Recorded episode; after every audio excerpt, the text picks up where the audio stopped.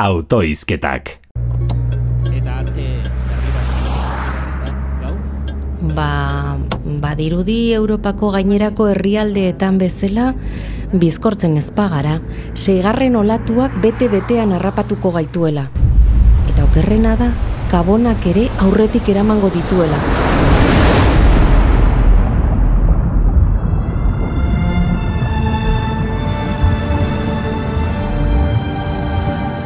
Enpresa afari zoroak, urdaileko gehiagikerian gozoak, merkataritza guneetako hilara maitagarriak, tamorik gabeko txartel gastuak, kotilloietako pozetilikoa, ez ezagun bihotzekoen arteko txitxina pardunak, eta gure olentzero, berrogei aldian.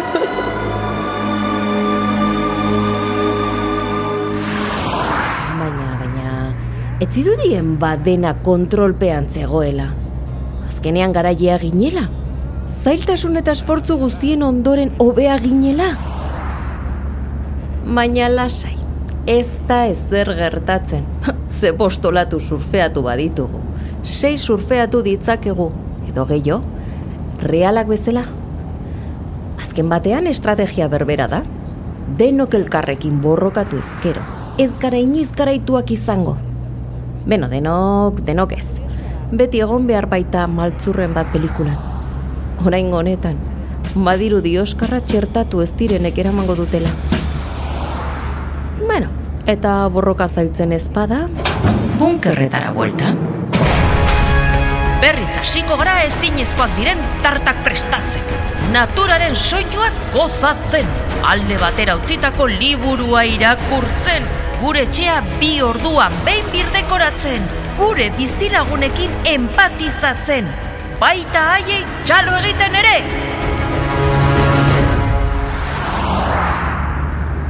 Aizu, ba, agian bunkerraren kontu hori ez dago gabonetako ispiritutik ainurrun?